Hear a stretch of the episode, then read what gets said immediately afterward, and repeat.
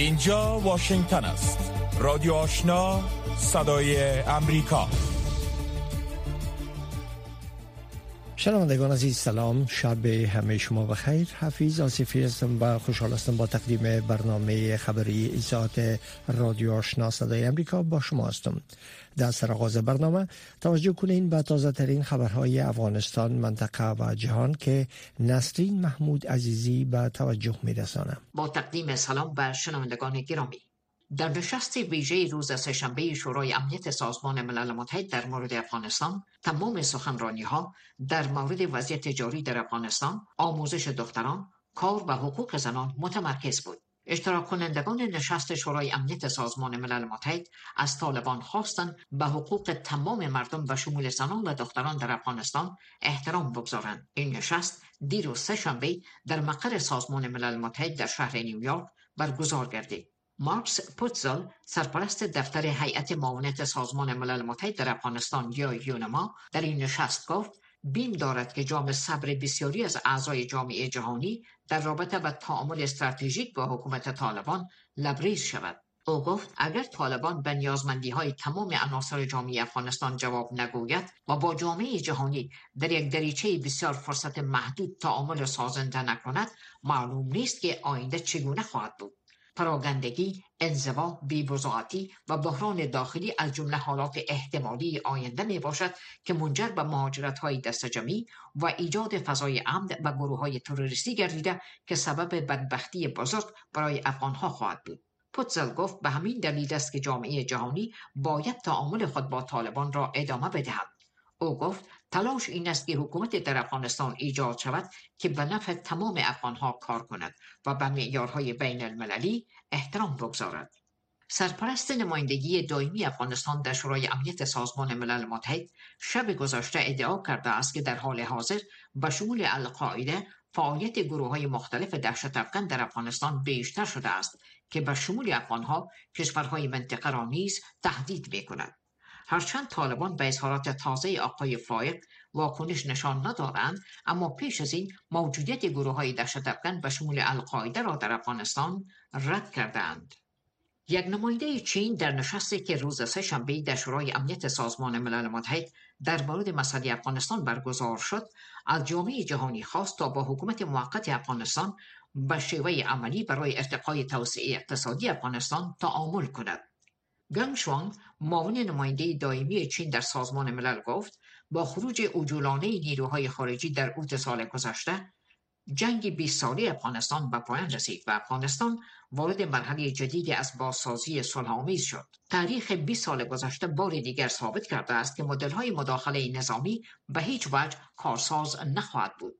گم گفت آینده و سرنوشت افغانستان را فقط مردم افغانستان می توانند تعیین کنند و باید در دست خود مردم افغانستان باشد در یک خبر دیگر شیر محمد عباس استانکزی معاون سیاسی وزارت خارجه طالبان در نشست روز جهانی گردشگری در کابل گفت یک ملت زمانی پیشرفت کرده می تواند که تعلیم در آن کشور رشد کند این مقام ارشد وزارت خارجه طالبان تاکید کرد که هیچ کسی از فرضیت تعلیم انکار نمی‌تواند و با گفته او همه مردم خواستار بازگشایی مکاتب دخترانند. او همچنان گفت که بسته بودن مکاتب برای دختران هیچ دلیل شرعی ندارد و تاکید کرد که تمام علمای جید افغانستان موافقت دارند که هرچی عاجل زمینه تعلیم دختران فراهم شود. اما محمد خالد حنفی سرپرست وزارت امر بالمعروف و نهی از منکر طالبان در نشست روز جهانی گردشگری گفت تعلیم یک عمل مباه است و این یک موضوع علمی است. زمانی که بین مباه و امیر تعارض به میان آید حکم امیر واجب است. وزارت دفاع ایالات متحده روز شنبه 27 ماه سپتامبر با نشر گزارش اعتراف کرد که نظامیان امریکا در سال 2021 میلادی 12 غیر نظامی را در سراسر جهان از پا درآوردند که همه آنان در افغانستان کشته شدهاند. جزیات بیشتر از فوزی احسان وزارت دفاع ایالات متحده در این گزارش گفته است ارزیابی پنتاگون نشان می دهد که در اثر عملیات نظامی این کشور نزدیک به دوازده غیر نظامی در افغانستان کشته و نزدیک به پنج غیر نظامی دیگر زخمی شدند. بر اساس این گزارش تمام این کشتارها در افغانستان رخ داده است. بر اساس گزارش وزارت دفاع امریکا یک غیر نظامی به تاریخ 8 جنوری 2021 در حمله هوایی امریکا در ولایت هرات کشته شد و یک غیر نظامی به تاریخ 11 اگست در ولایت قندهار کشته شد. دو غیر نظامی به تاریخ 18 جنوری سال 2021 در قندهار نیز زخمی شدند. قبل از این پنتاگون اعتراف کرده بود که در جریان روند خروج پرهرج و مرج ائتلاف به رهبری امریکا در غیر نظامی به شمول هفت کودک که همه اعضای یک خانواده بودند در اثر حمله تیاری بدون سرنشین ایالات متحده در کابل کشته شدند. وزارت دفاع ایالات متحده گفته است که در حمله 29 اگست سال 2021 میلادی تیاره بدون سرنشین در کابل که گمان می رفت بر یک موتر مربوط به گروه داعش صورت گرفته یک اشتباه غمانگیز بود. اما تاکید کرد که این وزارت هیچ قانونی را نقض نکرده است. حکومت طالبان امسال برای آن عده از دانش آموزان دختر کارت شمولیت در آزمون کانکور توضیح کرده که سال گذشته از مکتب فارغ شدهاند. محمد تقی سخنگوی وزارت تحصیلات عالی حکومت طالبان با تاریخ نهم ماه سپتامبر سال روان میلادی در یک پیام ویدیویی که بر رسانه ها فرستاده گفته بود امتحان کنکور به تاریخ 13, 14 و 15 ماه میزان در سراسر افغانستان آغاز می شود. اما آقای تقی نگفت که به گونه تخمینی چه تعداد از فارغان صنوف دوازدهم در این آزمون شرکت می کنند و از این میان چه تعدادشان دختر هستند. رادیو آزادی گفته است که عبدالقدیر خموش سرپرست اداره ملی امتحانات وزارت تحصیلات عالی حکومت طالبان نوشته که در این آزمون حدود 145 هزار فارغ صنوف دوازدهم شرکت می کنند که از این میان 80 هزار تنشان در مؤسسات عالی و نیمه عالی جذب می شوند. وزارت صنعت و تجارت حکومت طالبان از امضای قرارداد خرید گندم، گاز مایی و مواد نفتی با روسیه خبر می دهد. نوردین عزیزی سرپرست این وزارت با آژانس خبری رویترز گفته است که روسیه این اقلام را ارزانتر از نرخ جهانی به حکومت طالبان پیشنهاد کرده است. آقای عزیزی گفته است که به اساس این قرارداد روسیه قرار است که سالانه یک میلیون تن پترول یک میلیون تن دیزل 500 هزار تن گاز مایی و 200 میلیون تن گندم به افغانستان صادر کند. مقامات روسیه تاکنون در این مورد به رسانه ها چیزی نگفتند این در حال است که از یک سال به این طرف قیمت مواد نفتی به ویژه تیل، پترول و دیزل در افغانستان افزایش یافته و تقریبا دو برابر شده است. از سوی هم آخوندزاده عبدالسلام جواد سخنگوی وزارت صنعت و تجارت حکومت طالبان امروز چهارشنبه 28 ماه سپتامبر با فرستادن پیامی به صدای امریکا گفت در نتیجه سفر نوریدین عزیزی سرپرست این وزارت به مسکو و گفتگو با مقامات آن کشور برای خرید گندم، گاز مایی و مواد نفتی به یک تعامل مثبت رسیدند. بلوال بوتول زرداری وزیر خارجه پاکستان از جامعه جهانی خواست که در برابر طالبان از صبر و تحمل کار گیرد و با آنها تعامل داشته باشد. آقای زرداری در گفتگو با خبرگزاری اسوشیتد پرس خواستار همکاری مستقیم امریکا با طالبان شد. او خواستار رهایی سرمایه های شد که امریکا منجمد کرده و گفت این پول از طالبان نی بلکه از مردم افغانستان است. ادامه اخبار منطقه و جهان از رادیو آشنا صدای امریکا اعتراضات در ایران شب گذشته هم ادامه یافت. ده روز قبل مردم بس از مرگ یک زن جوان در توقیف پلیس به سرک ها برآمدند. مظاهره کنندگان خشمگین نیروهای امنیتی را مسئول قتل محسا امینی می‌دانند. رادیو فردا بخش فارسی رادیو اروپای آزاد تا کنون کشته شدن حداقل سی نفر از تظاهر کنندگان را مستند ساخته است. در این حال گزارش شده است که بیش از هزار تن دیگر بازداشت شدند. مقامات می‌گویند که در برخورد با مظاهرچیان افراد پلیس هم کشته و زخمی شدند ولی ارقام دقیق در این مورد ارائه نشده است. خبرگزاری دولتی ایران گزارش داد که سپاه پاسداران ایران روز چهارشنبه حملات راکتی و های بی پیلوت را در کردستان شمال عراق انجام داد. ایران مخالفان مسلح کرد ایرانی را به دست داشتن در ناآرامی های جاری در آن کشور و ویژه در شمال غرب که اکثریت ده میلیون کرد ایرانی در آن زندگی می کنند مقصر دانسته است. کاملا هریس معاون رئیس جمهوری ایالات متحده روز چهارشنبه در یک پایگاه بحری ایالات متحده چین را به رفتار مزاحم و تحریک آمیز در اطراف تایوان متهم کرد. هریس گفت ایالات متحده در پاسخ به این موضوع روابط غیر رسمی خود را با جزیره مورد مناقشه ای که چین آن را بخشی از قلمرو خود می‌داند تقویت خواهد کرد. تشدید تنش ها بر سر تایوان امکانات درگیری را در گوشه از پیش از این ناآرام جهان افزایش داده است.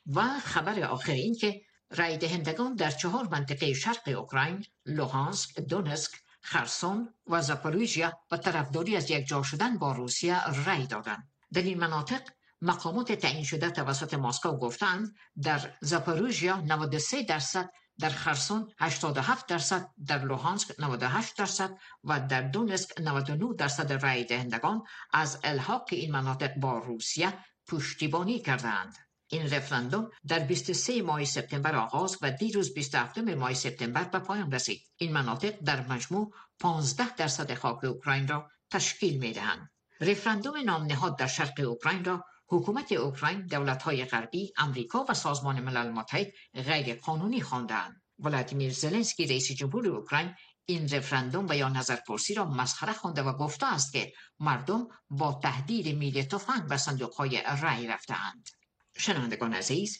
این بود مشروع اخبار این ساعت از رادیو آشنا صدای امریکا روایت امروز مصاحبه ها، گزارش ها و تحلیل ها در مورد وضعیت کنونی افغانستان و جهان هر شب از ساعت نونیم تا ده شب از امواج رادیو آشنا صدای امریکا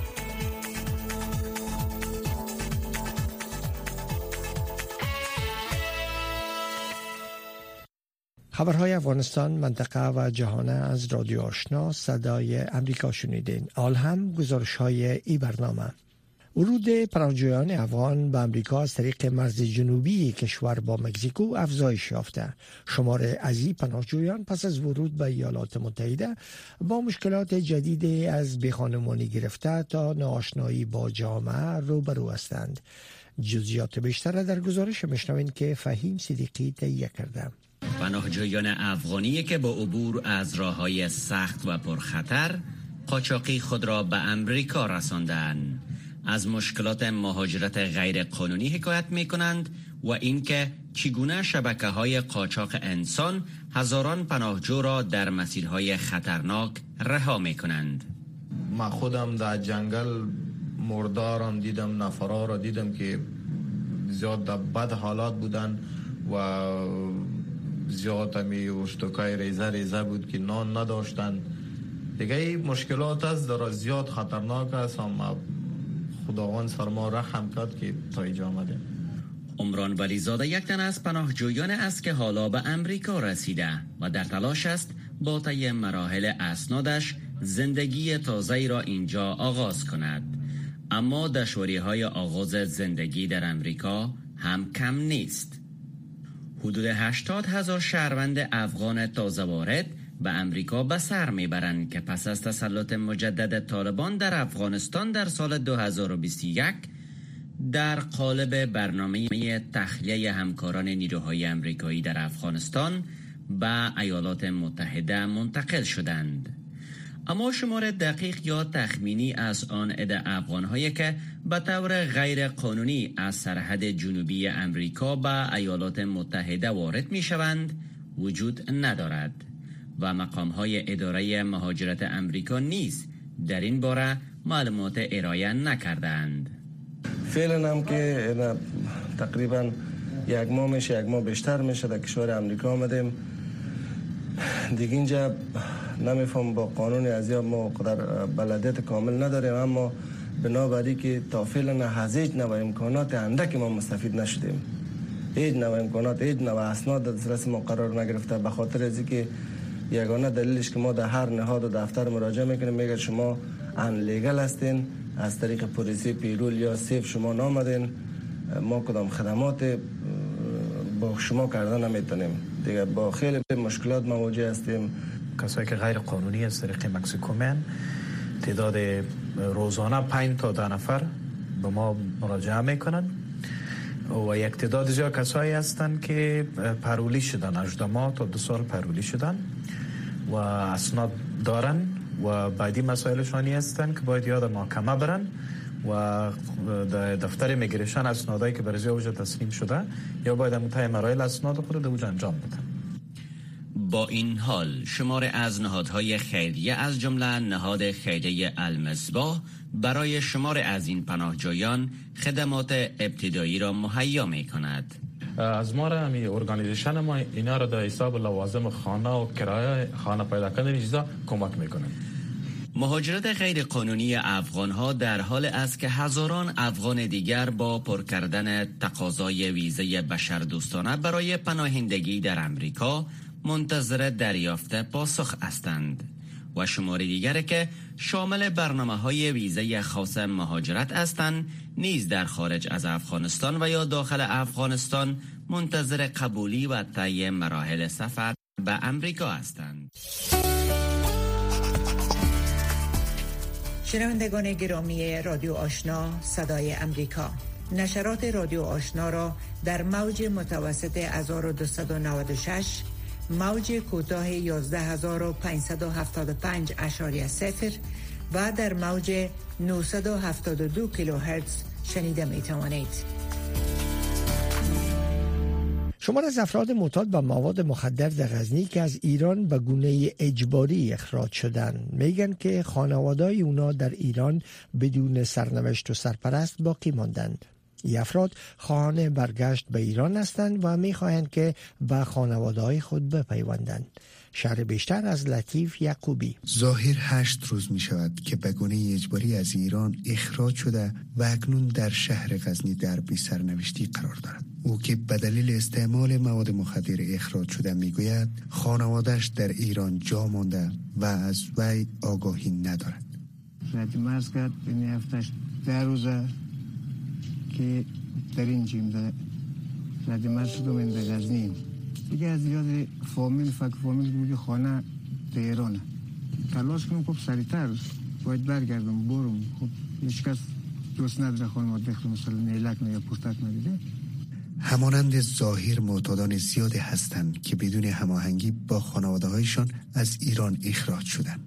این معتادان می‌گویند در کنار آنان ده ها تن دیگر نیز به گونه اجباری به کشور برگشتانده شدند. آدم را دیمار شدیم یک چهار پنج سال دیمی جانده می‌خواه گشت کنم کامل کلن دیرانم برو سه دو چهار تا دود روی سیخ گذاشتم. ده بافور. برو بیکشو پس بیا. ده مرغداری. برو تو مرغا دور بگرد. که شب خوابت نبره. ما شب سر می‌زنم ما متوجه دستن اگر خوابت ببره وای با حال تو مختلفات بگیر روانشناسان بر این باورند بسیاری از افراد به دلیل تسکین دردهای روحی و روانیشان و فرار از مشکلات به این پدیده خانمانسوز گرفتار میشن خیلی از افرادی که در دام مواد مخدر گرفتار میشه اینا کدام مشکل دیگه نداره بلکه از نظر روانی تحت فشار قرار داره. برای تسکین دردهای روانی مراجعه می‌کنه و فرار از مشکلات روحی روانی را در استفاده از مواد مخدر جستجو می‌کنه در بیش از چهار ده جنگ در افغانستان ایران بازار خوبی برای کارگران افغان بوده اما به گفته کارشناسان پدیده استعمال مواد مخدر از همین کشور به افغانستان آمد و اکثریت مطلق جوانان افغان در این کشور با مواد مخدر آشنایی پیدا کردند. رادیو آشنا صدای امریکا هفت روز هفته. خبر و گزارش ها و تحلیل های خبری روز. در نشست شورای امنیت سازمان ملل متحد که روز سه شنبه در مقر سازمان در نیویورک در مورد افغانستان برگزار شد. اکثر شرکت کنندگان از طالبان خواستند تا با حقوق مردم افغانستان احترام کنند. تلگران افغان برگزاری چنین نشست ها و بحث ها را در مورد افغانستان مثبت می دانند اما میگن که باور ندارند که طالبان به خواسته های جامعه جهانی و مردم افغانستان تمکین کنند. در این مورد فوزی احسان مصاحبه با آقای کریم پیکار پامیر نویسنده و تحلیلگر مسائل سیاسی انجام داده که با هم میشنویم. دیروز اجلاس در شورای امنیت سازمان ملل متحد برگزار شد. البته به شمول نماینده یوناما نماینده افغانستان همه روی وضعیت افغانستان تاکید می‌کردن اول به نظرتان مسائل عمده که در اینجا بحث شد چی بود؟ منافع کشورهای مختلف یا نماینده های مختلف در سازمان ملل و کشورهایشان در مورد افغانستان متفاوت است. یکسان نیست. تا زمانی که یکسانی و همنوایی در مورد سرنوشت آینده افغانستان میان کشورهای اعضای سازمان به وجود نیاید و بالاخره تا زمانی که ایالات متحده امریکا با عنوان ابرقدرت ممتاز دنیا که در مورد افغانستان و سایر کشورها دست بلند داره و داشته تا این به یک نتیجه قاطع نرسه و تصمیم نهایی خود نگره در سازمان ملل که ما همیشه گفتیم این سازمان دیگه او سازمان حدود 60 70 سال قبل نیست بلکه به عنوان آله یا ابزار سیاسی و دیپلماتیک کشورهای قدرتمند قرار گرفته. لحاظا تا زمانی که آمریکا مصمم نشه در سازمان ملل هم یک نوایی و تصمیم های قاطع با وجود نخواهد آمد. صحبت هایشان خوب است. مطرح میشه در مورد افغانستان از او باید استقبال بکنیم. همی که کشور ما تا نهایت فراموششان نمیشه لاقل از نظر تقریری یا زبانی یا ظاهری. مطرح است بازم خوب است. اما اگر ما افغان ها منتظر نتیجه قاطع و موثر و حل کننده این موزلات چندین سالی افغانستان باشیم در واقع این بسیار خوشباوری و خوشبینی ما را نشان میده به نظرتان طالبا به نظرتان طالبا چقدر به حرف های از اینا گوش کرد یعنی طالبا چقدر خواه تمکین کردن به درخواست از اینا به خواسته هایشان به چیزهایی که اینا خواهش می‌کنن مثلا حقوق بشر مثلا باز شدن مکاتب مسائل زنا. به نظرتان در مجموع طالبا خواد این حرفا شنیدن؟ فکر نمی کنم که طالبان تمکین بکنن در برابر تقاضاهای جهان و تقاضای شورای امنیت سازمان ملل. چنان که تا امروز تمکین نکردن لجاجت طالبان کاملا مشهود است. ظرف بیشتر از یک سال در برابر تقاضای جهان و کشورهای مختلف هیچ نوع اقدام موافقانه انجام ندادن بلکه قدم به قدم قوانین به زعم خودشان البته و فیصله های سخت را بیرون میدن. اینا فقط اطاعت محض از مردم افغانستان می‌خواهند و خودسری کامل و به مراتب هم مسئولانش میگن که نباید دنیا در امور داخلی ما دخالت بکنه در دنیا و قانون بین المللی میارهای وجود داره که به اساس از او در یک کشور مثلا وقتی او قوانین نقض میشه دنیا مداخله می‌کنه. آیا میارهای جهانیه که سازمان ملل متحد مجبور می‌سازه در امور افغانستان مداخله کنه اما میارهای انسانی در افغانستان نقض شده یا نشده؟ نقض شده که صدا بلند شده. ببینین از یک طرف افغانستان از روز اول تاسیس سازمان ملل عضو وفادار و حتی مؤسس سازمان بوده این یک طرف گپ است که حق داره این سازمان که از عضو خود دفاع بکنه و در موردش توجه داشته باشه. اج زمانی کرسی افغانستان در سازمان ملل خالی نبوده. ولی متاسفانه امروز کسی از ملت افغانستان نمایندگی نمی کنه این یک طرف گپ است. دوم میارهایی که شکسته و رعایت نشده و نقص شده. حقوق بشر کاملا در افغانستان مشهود است. یعنی این یک ادعا نیست بلکه عملا با تمام موانعی که تحمیل می‌کنن طالبان اما بازم اسناد تصاویر بیرون مبرایه و همه جهان می‌بینن از لطکوب گرفته تا تحقیر و توهین زنان و مردان تا دستگیری ها تا تیرباران کردن ها تعقیب استبداد و نبود کار بیکاری ها بسته کردن درب معارف برای نوجوان های کشور ما مخصوصا برای دوشیزه ها به نظرتان طالبا همه قدر قوت و جرأت از کجا کردند که در مقابل همه استاد هستند؟ در مقابل مردم افغانستان در مقابل جامعه جهانی؟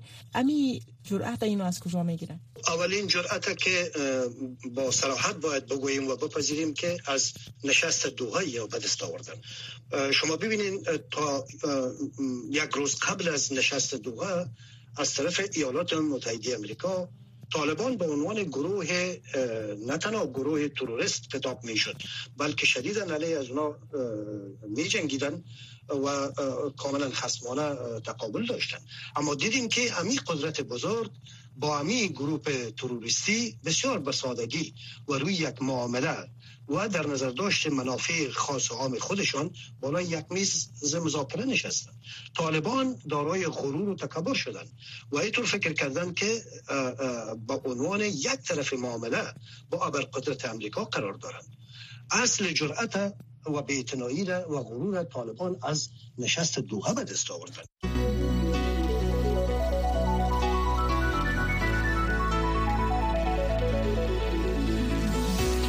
صدای امریکا در فیسبوک. facebook.com voa دری. کامالا هریس معاون رئیس جمهوری ایالات متحده امریکا امروز چهارشنبه در سخنرانی خود برای سربازان امریکایی در ژاپن گفت که واشنگتن بدون ترس و هراس در سراسر آسیا از جمله تایوان عمل خواهد کرد. خانم هریس همچنان سیاست خارجی چین مورد انتقاد قرار داده. گفت که رفتار تهاجمی بیجینگ نظم مبتنی بر قوانین بین المللی را تهدید می‌کنه شرح بیشتر در گزارش میشنوین کاملا هریس معاون رئیس جمهور ایالات متحده صورت منتقدانش از چین را در خطاب به نیروهای امریکایی در کشتی تیاره بردار یو هاروارد نیروهای مستقر بحری در پایگاه دریایی یوکوسوکا بزرگترین تأسیسات نیروهای بحری ایالات متحده در جهان بیان کرد و گفت چین در حال صدمه وارد کردن بر عناصر کلیدی نظم مبتنی بر قوانین بین المللی است. چین آزادی ابهار را به چالش کشیده است. چین از قدرت نظامی و اقتصادیش برای ارعاب همسایگان خود کار گرفته است. ما شاهد رفتارهای نگران کننده در آبهای شرق و جنوب چین و اخیرا اقدامات تحریک آمیز در سراسر تنگه تایوان بوده ایم. خانم هرس روز سهشنبه به شینزو آب رهبر فقید ژاپن ادای احترام کرد و در سخنرانیش روی اینکه چگونه ایالات متحده برای ژاپن و کره جنوبی به عنوان متحدان قوی در مقابله با چین ارزش قائل است تاکید کرد و اضافه کرد.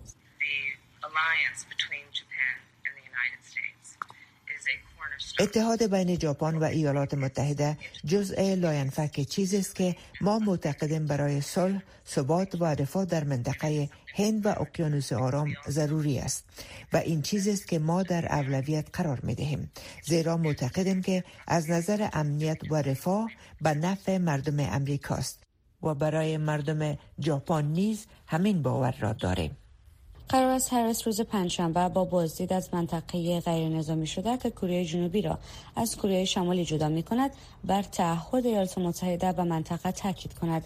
پس از دیدار دونالد ترامپ رئیس جمهور سابق آمریکا از این منطقه در سال 2019 کاملا هریس دومین مقام ارشد آمریکا می باشد که از آنجا بازدید می کند کیم سانگ سفیر کره شمالی در سازمان ملل متحد می گوید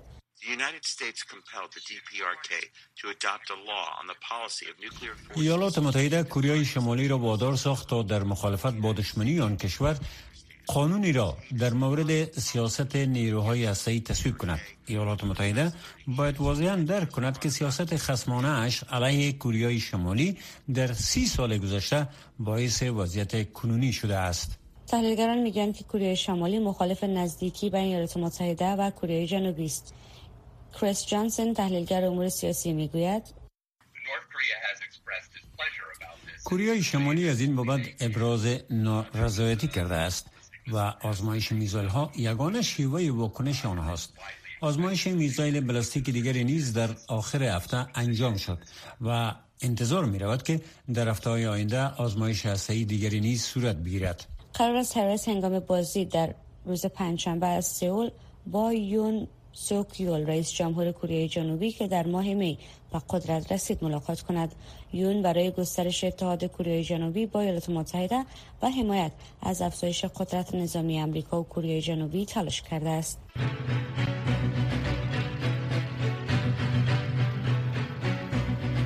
شنوندگان عزیز ای بود داشته های برنامه خبری که در همینجا به پایان رسید اما نشرات پشتو و دری رادیو آشنا صدای امریکا همچنان ادامه داره. شنونده رادیو آشنا باشید.